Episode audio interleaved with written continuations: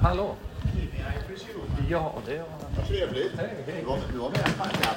Ja, eller hur? Dig. Ja, men tack, tack. Jag träffar Per Evert som är författare, föreläsare och samhällsdebattör. Förutom att han forskar är han direktor i den kristna tankesmedjan Clapham-institutet och skriver ledare för den kristna tidningen Världen idag.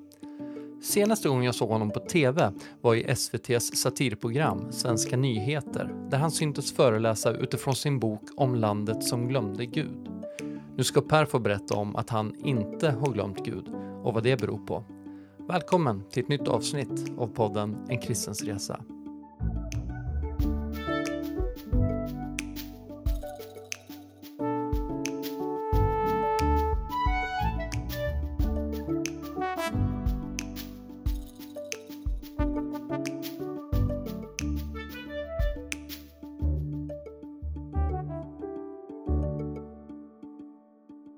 Per Evert, välkommen till den här podden. Tack ska du ha. Är du uppvuxen i, var, kom, var kommer du ifrån geografiskt? Geografiskt, eh, bakgrundsmässigt så är mi- mitt arv är jämtländskt härjedalskt. Mina föräldrar kommer därifrån. Sen hamnade de i Skåne av någon outgrundlig anledning och blev kvar där. Eh, men, så jag är uppväxt i Skåne, men, men känner mig inte riktigt skånsk utan snarare norrländsk och så hamnade jag någonstans eh, eh, halv mitt emellan i Småland. Ja, just det. Du låter ju varken skånsk eller norrländsk. Nej, nej, jag anpassar mig till miljön. Eh, och du höll ju på i eh, sju år har jag läst mig till med en doktorsavhandling. Ja, själv tyckte jag höll på var klar efter fem år, men eh, den akademiska världen är slitig så att det skulle pillas och joxas i två år till, så att det blev ju faktiskt sju år. Det måste ha varit väldigt skönt att eh, bli klar med den då, som det var förra året. Va? Ja, väldigt skönt att komma igenom den här flaskhalsen. Det var, det var en märklig period, speciellt på slutet, att det var så oerhört motigt att bara komma igenom sista flaskhalsen. Men det viktiga var att genomföra den akademiska disputationen så att jag sen kunde liksom springa med populärversionen till, till vanligt folk. Det, var, det, det är den som är den viktiga ofta.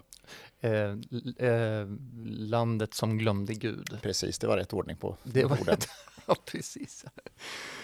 Eh, så nu kan du titulera dig Filosofie doktor. filosofie doktor. Ja. Ja, Och, och ämnesinriktningen är ju politisk historia. ja. Och med den titeln så har du en plattform att kunna debattera och diskutera. Det kanske hade ändå innan. Ja, men, men, på ett sätt så ha- hade jag ju det innan, men man har ju en större tyngd om man har en, en doktorshatt med sig och, och kan säga att jag har genomfört en akademiskt hårt prövad studie eh, som håller för den prövningen och då kan jag lägga fram den för offentligheten och säga så här har utvecklingen varit i Sverige, hur ser vi på det? Och Clapham-institutet som du är direktor för Mm. eh, sysslar med, med den typen av... Eh, Ja, vi är ju en tankesmedja och ett forskningsinstitut. Det innebär ju att man, man samlar goda tankar och presenterar dem i offentligheten och sen så sammanställer vi olika typer av forskningsrapporter också med lite större tyngd och lite mer genomarbetade eh, studier i de områden som är, ja, känns aktuella att lägga fram. Jag ser ju att det är stort intresse för den här studien i de grupper som verkligen är, intresserade av vad som har hänt och som kanske i någon mån är kritiska också till vad som har hänt. Men det, det är lite frustrerande att de grupper som det faktiskt handlar allra mest om, det vill säga politiken, den etablerade politiken och de politiska partierna och kyrkan, eh, inte minst våra egna frikyrkliga sammanhang, de, de är väldigt eh, tveksamma och skeptiska till att lyfta in det här perspektivet, den här granskningen. Och det tycker jag är, det är lite frustrerande. Eh, Därför att vi behöver lyfta på de stenarna och se hur har sekularismen och och individualismen påverkat oss? Och hur ska vi agera utifrån det? För om man inte lyfter på locket då, ja, då, då blir det problem med det öppna samtalet. ja, eh, att du skriver om det här, hur Sverige har, har eh, glömt Gud. Mm. Vad, vad är det som eh, gör att det bränner till hos dig, själva ämnet? Jag kommer faktiskt inte ihåg exakt hur det väcktes själva idén, men det, det är ju långa processer sånt här, så det är nästan tio år sedan jag började studera sekulariseringsteori, eh, köpa en massa litteratur om det och sen göra en förberedande studie om det Eh, för att sen liksom påbörja den empiriska undersökningen, hur, hur har det gått till i Sverige? Eh, men det finns ju ett uppenbart behov. Det var, det var nog så jag kände, att Sverige är längst ut. Det är inte bara en känsla som vi har, utan i, i det här World Value Survey-diagrammet, där är vi längst ut i extremhörnet av världens mest individualistiska och sekulära värderingar. Och då, då kräver det på något vis att man ställer frågan, hur gick det här till?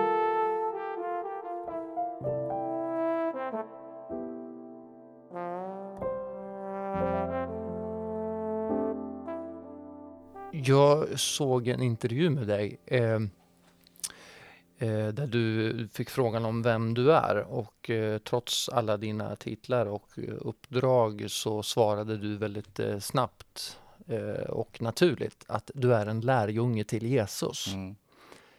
Jo, det brukar jag väl försöka säga i, i de flesta sammanhang där det inte blir helt apart att säga det. Men, men det, är ju min, det är ju egentligen varje kristens grundläggande identitet och sen gör vi en massa andra saker utöver det. Men vi är ju i första hand lärjungar därför att vi följer Jesus. Ja. Kan du förklara lite mer vad det innebär för dig? Ja, att vara en lärjunge, det, det, det påvisar ju på något vis det där att vi är inte färdiga, vi lyssnar, vi lär hela tiden. Vi sitter vid Mästarens fötter och vi formas på väg. Jag funderar på det när du bjöd in till det här samtalet. Vad, vad är titeln nu på samtalet igen? En kristens resa. Precis, och det kan ju ge någon slags indikation att ja, men vi bara reser omkring och vi flyter omkring var som helst och ingen riktning på någonting. Men om det finns en mästare och det finns en herre som lär oss vart vi ska resa, då vet han ju också vad som är slutmålet. Inte bara för ett land utan också för våra eh, enskilda liv. Och då vill jag ju efter bästa förmåga försöka följa honom och gå den resan som är, som är min resa. Du säger mästare om Jesus. Mm. Är det så du, du, du relaterar till honom i första hand? Ja, det kanske inte är ett personligt val att jag funderar på så sätt, utan det är ju så han beskrivs i evangelierna. Han är ju mästaren, han är Herren. Eh, och om man relaterar till honom på något annat sätt, då blir ju Jesus inte riktigt den som Jesus faktiskt är. Han är mästaren. När upptäckte du eh, det då? Det är nog inte en ögonblicksbild och det, det, är det nog inte med de flesta som du talar med i de här programmen skulle jag gissa. Utan det är ju en lång vandring. Att man kommer ur en barnatro som jag har haft med mig men som man sen eh, liksom fördjupas, förhoppningsvis fördjupas eh, och, och lär känna Jesus mer under sin, sin livsresas gång. Om du tar med oss då på, på den resan, ja. Var, var, var, var börjar vi någonstans då? Eh, ja, men vi börjar ju en slags barnatro. Jag är uppväxt i ett kristet hem. Och så är jag en personlighetstyp eh, kanske. Eh, jag läste när Levi Petrus beskrev vilka sammanhang trivs han i. Han, han sa att jag trivs bra ensam och jag trivs bra i stora folksamlingar. Men i de här små sällskapen, det, det är inte där jag i första hand mm. växer och gör mina andliga upplevelser. Utan så, så har det nog varit för mig också att eh, jag funnits med i församlingsgemenskap och växt in i den så att säga. Eh, men de viktiga andliga upplevelserna och avgörandena, de har jag nog gjort på egen, egen hand. Ibland i gudstjänstgemenskap, men man måste göra de där upplevelserna mm. och vägvalen själv. När i, i ditt liv eh, hade du den typen av, nu förstår jag att det är flera mm. upplevelser du talar om, men, men, men hade du någon upplevelse redan i din barndom Ja, men det, det viktiga vägvalet är ju eh, om man är uppväxt i en baptistisk tradition som, som vi är, som är uppväxt i pingst, pingströrelsen, eh, så är det ju, ska, ska jag låta döpa mig? Och i så fall i vilket sammanhang? Eh, ska det vara tillsammans med andra? Och då eh, tog jag det beslutet när jag var 14 och, och, tyckte att nu är, det, nu är det tid för mig att låta döpa mig. Då var det två andra personer som hakade på samtidigt så det blev en, en tre dopförrättning. Jag är ju döpt av en världskändis, jag vet inte om du känner till det? Eh Jo, kanske. kanske. Jag kanske har sagt det i något annat tillfälle. Åke Gren var, var min, min barndomspastor i pingstförsamlingen i Tollarp där jag växte upp. Uh, han var ju fullständigt okänd då naturligtvis, ja. utan bara en vanlig församlingspastor. Men han, han hade något slags profetisk ådra då också och, och, och sa några saker när han döpte mig uh, om liksom en, en människas liv och en människas väg som, som jag bär med mig, som har varit viktiga för mig från, från då. Ja, kommer du ihåg vad det var då? Ja, det kommer jag ihåg. Jag vet inte om man ska dela. Ja, det kanske man ska. Nej, men han gjorde en slags reflektion över man vet inte vad det blir av en människa. Nu står man här med en ung människa, liten, fjöntig, som jag var, liten till växten. Och man, man har ingen aning om, att det, om det kan bli något av en sån här person. Men, men han reflekterar just det där att det kan bli någonting eh, värdefullt och något, Gud kan göra någonting stort genom, genom olika människor. Och vi har ingen aning om vad det blir av människor. Det gäller dig och mig, det gäller ju alla. Och du säger att du upplever att det var något profetiskt över det? Ja, eh, inte profetiskt i den meningen att det är liksom exakta framtidsförutsägelser, men eh, det profetiska innebär också att man försöker lyssna efter vad, vad, vad ger Gud liksom för signaler mm. för olika tankar och planterar. Hur landar det här i dig då? Vad, vad hände sen? Du, Nej, men det är ju en lång, lång eh, process där man liksom kämpar med olika saker. Man kämpar med livet och man kan känna sig utsatt och man kan känna sig mobbad och man kan känna sig ensam på olika sätt. Men man, man växer ändå i sin personlighet och jag har aldrig sprungit bort från Herren. Uh, men, men livet kan ju vara knepigt och svårt och, och ensamt när man växer upp eh, som ensam i sin klass, mm. ensam kristen i sin klass på grundskolan och, och gymnasiet. Eh, men, men man, man väljer ändå att stå kvar i den identiteten själv ofta tillsammans med Gud. Mm. Och det kanske är någonting viktigt med det där att, att man behöver stå ensam med Jesus ibland. Snarare än att bara finnas i en grupp och så flyter man omkring i någon slags kompisgemenskap i någon kyrklig samvaro. Men, men sen när livet slår till på olika sätt så, så kanske man flyter iväg. Mm. Och där, där är det nog väldigt viktigt att grunda de där djupa rötterna själv.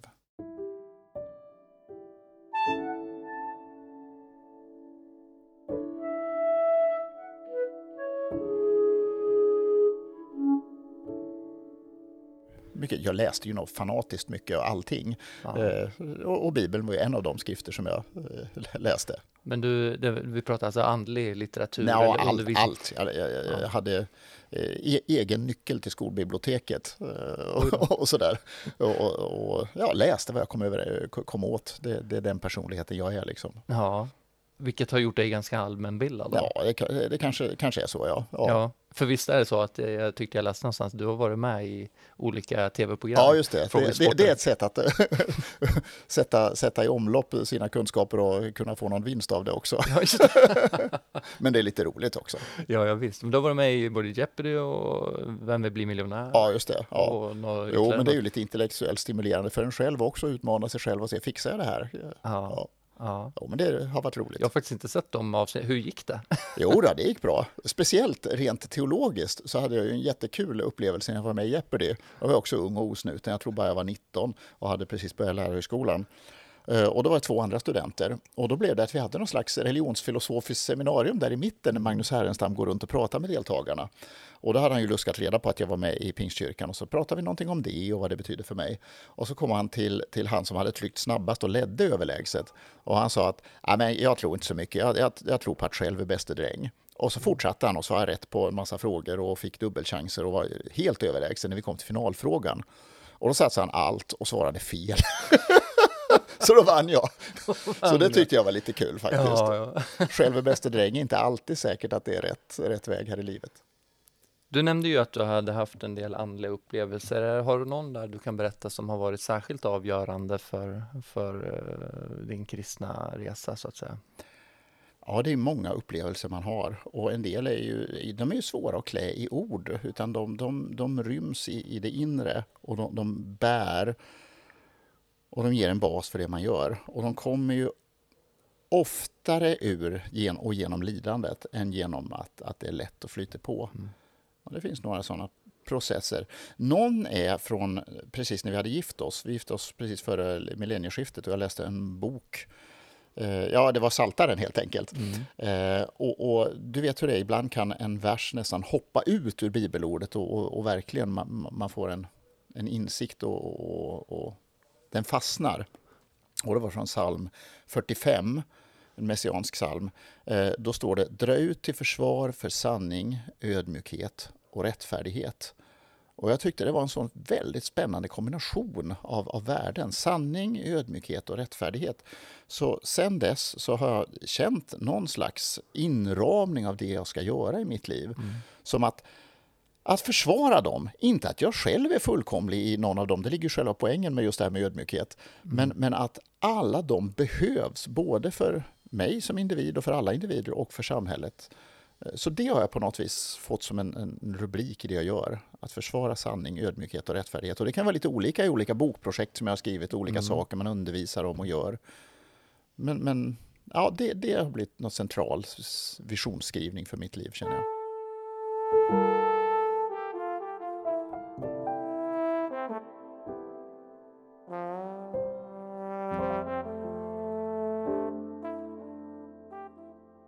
Sen var det ju så spännande för att jag gjorde lumpen på den tiden när man fick göra lumpen i kyrkan, vapenfri tjänst. Det fanns en sån därför, tjänstgöring ja. Eh, med Sveriges kristna ungdomsråd. Och då samlades man kristna från en massa olika sammanhang. Och så satt man och diskuterade teologi halva nätterna för man var oense om nästan allting. Men det var väldigt spännande att bryta eh, tankar, och, både teologiska och egna personliga tankar med personer som kom från helt andra sammanhang. Men som man ändå ser att ja, men vi står ju på en, på en tydligt kristlig grund här, mm. även om vi kommer från ja, de olika sammanhang.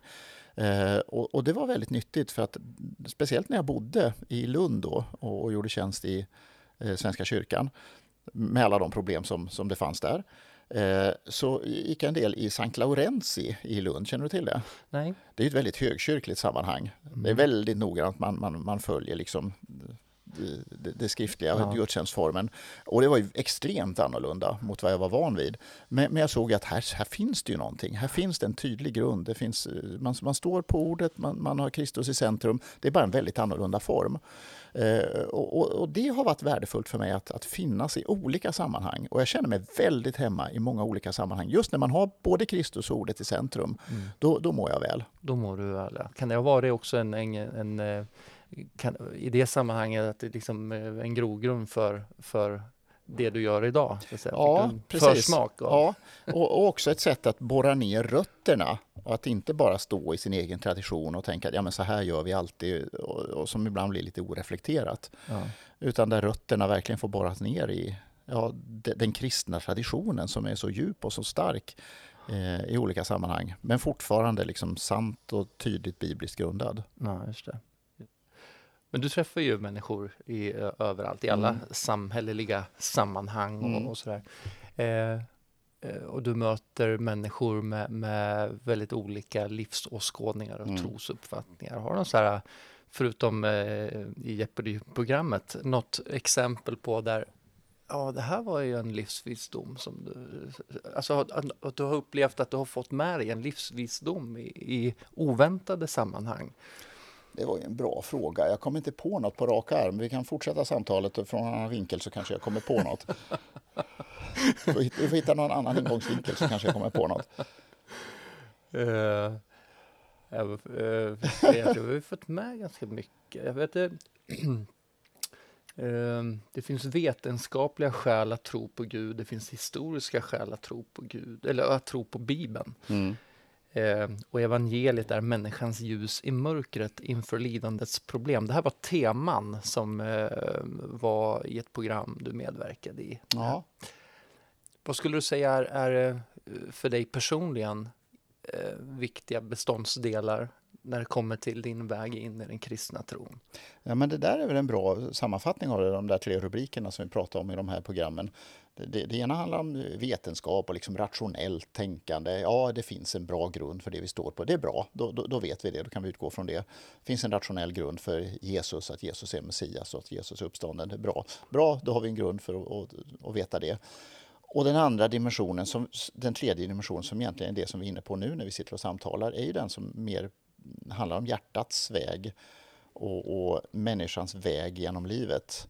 Eh, alla de beståndsdelarna är, är viktiga och jag har märkt när jag har jobbat mycket med eh, liksom hjärnan och det rationella. Min första bok eh, heter Vem tänder stjärnorna? handlar om liksom rationell beskrivning av, av de tre dominerande världsbilderna. Den västerländska ateismen, den österländska panteismen och, och den bibliska världsbilden och jämföra hur den besvarar de, de stora frågorna.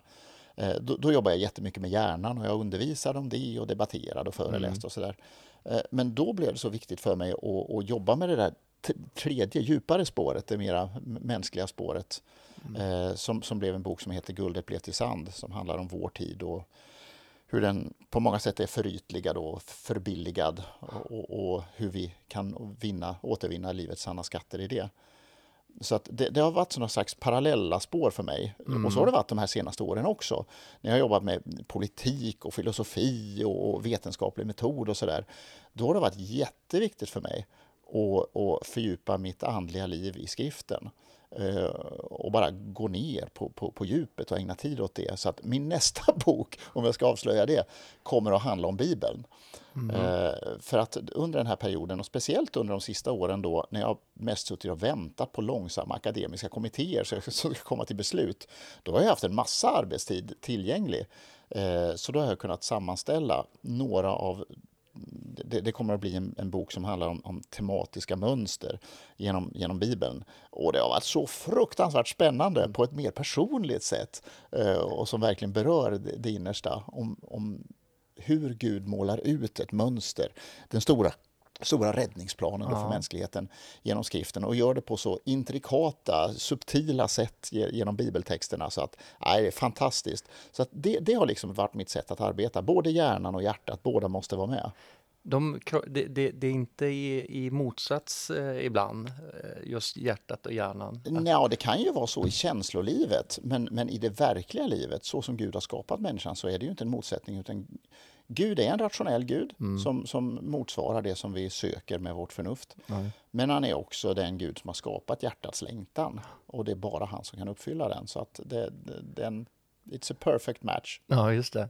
Men syftet är att, att eh, eh motivera till kristen tro på rationell grund. Förstår jag det Ja, det är ju en del i, i det spåret i det jag gör. Mm. Att, att, som vi var inne på, det att försvara sanning men också att försvara ödmjukheten och vikten av, av, av hjärtats, hjärtats väg mm. och att inte sätta det, det, det egna intellektet i centrum och min egen väg utan ja, Guds väg. Hur, hur tolkar du, hur tacklar du bibelord som att korset är en dårskap? Det står inte att korset är en dårskap i sig, utan det står eh, när Paulus beskriver det i första Korintierbrevet att korset är en dårskap för de som går förlorade. De som medvetet eller omedvetet väljer bort den vägen. Eh, men för oss som blir frälsta är det en Guds kraft. Så att budskapet om korset eh, var ju vansinnigt eh, från början. Det var, det var ingen som tänkte sig att, att Messias skulle lida och dö och, och förnedras på det sättet som han gjorde. Men ledtrådarna finns ju där de, de är så starka. Om vi tar Jesaja 53 till exempel, om Herrens lidande tjänare. Ledtrådarna är så utritade genom hela, hela det gamla testamentet och sen fullbordas just på korset. Så att det, det är en, en, formidabel fullkomling, i den, liksom centrumpunkt i den mänskliga historien. Tror du att du upplevs som en dåre ibland i sammanhang där man inte tror? Det beror på, tror jag, vilken, vilken inställning man har. Om man verkligen är intresserad av sanningen, då, då är man intresserad av att bryta argumenten på ett, på ett seriöst sätt. Och det upplever jag nog att, att så ofta är fallet i de som har varit liksom tydliga medvetna gudsförnekare, som jag har mött i debattsituation. Men sen finns det alltid de som, som medvetet eller omedvetet vill, vill, tycker det är jobbigt eh, att, att konfronteras och brottas med sanningen. Och då hittar man olika såna flyktstrategier som folket gör på långfredagens morgon. Du vet när de står där framför Pilatus och Pilatus säger nu får ni välja här mellan Jesus. Och de vet att Jesus är god. Och, och, de vet att Barabbas är en mördare. Men ändå så väljer de bort Jesus och vill ha, ha bort honom på något vis. Så att det är en utmaning både till mig och som jag vill utmana andra att verkligen gå närma sig Jesus, brottas med honom. För han håller när världen inte gör det. Även i den akademiska världen? Ja, det gör han ju. Om vi låter oss göra det frimodigt. Per, tack så jättemycket för att du ville vara med i min podd. Tack för ett personligt samtal. Det är roligt att prata om intellektuella grejer också, men det är jättefint att kunna ha haft den här typen av samtal också. Uppskattar du min podcast och vill stötta den? Gå in på www.enkristensresa.se och läs mer. Tack för att du lyssnar.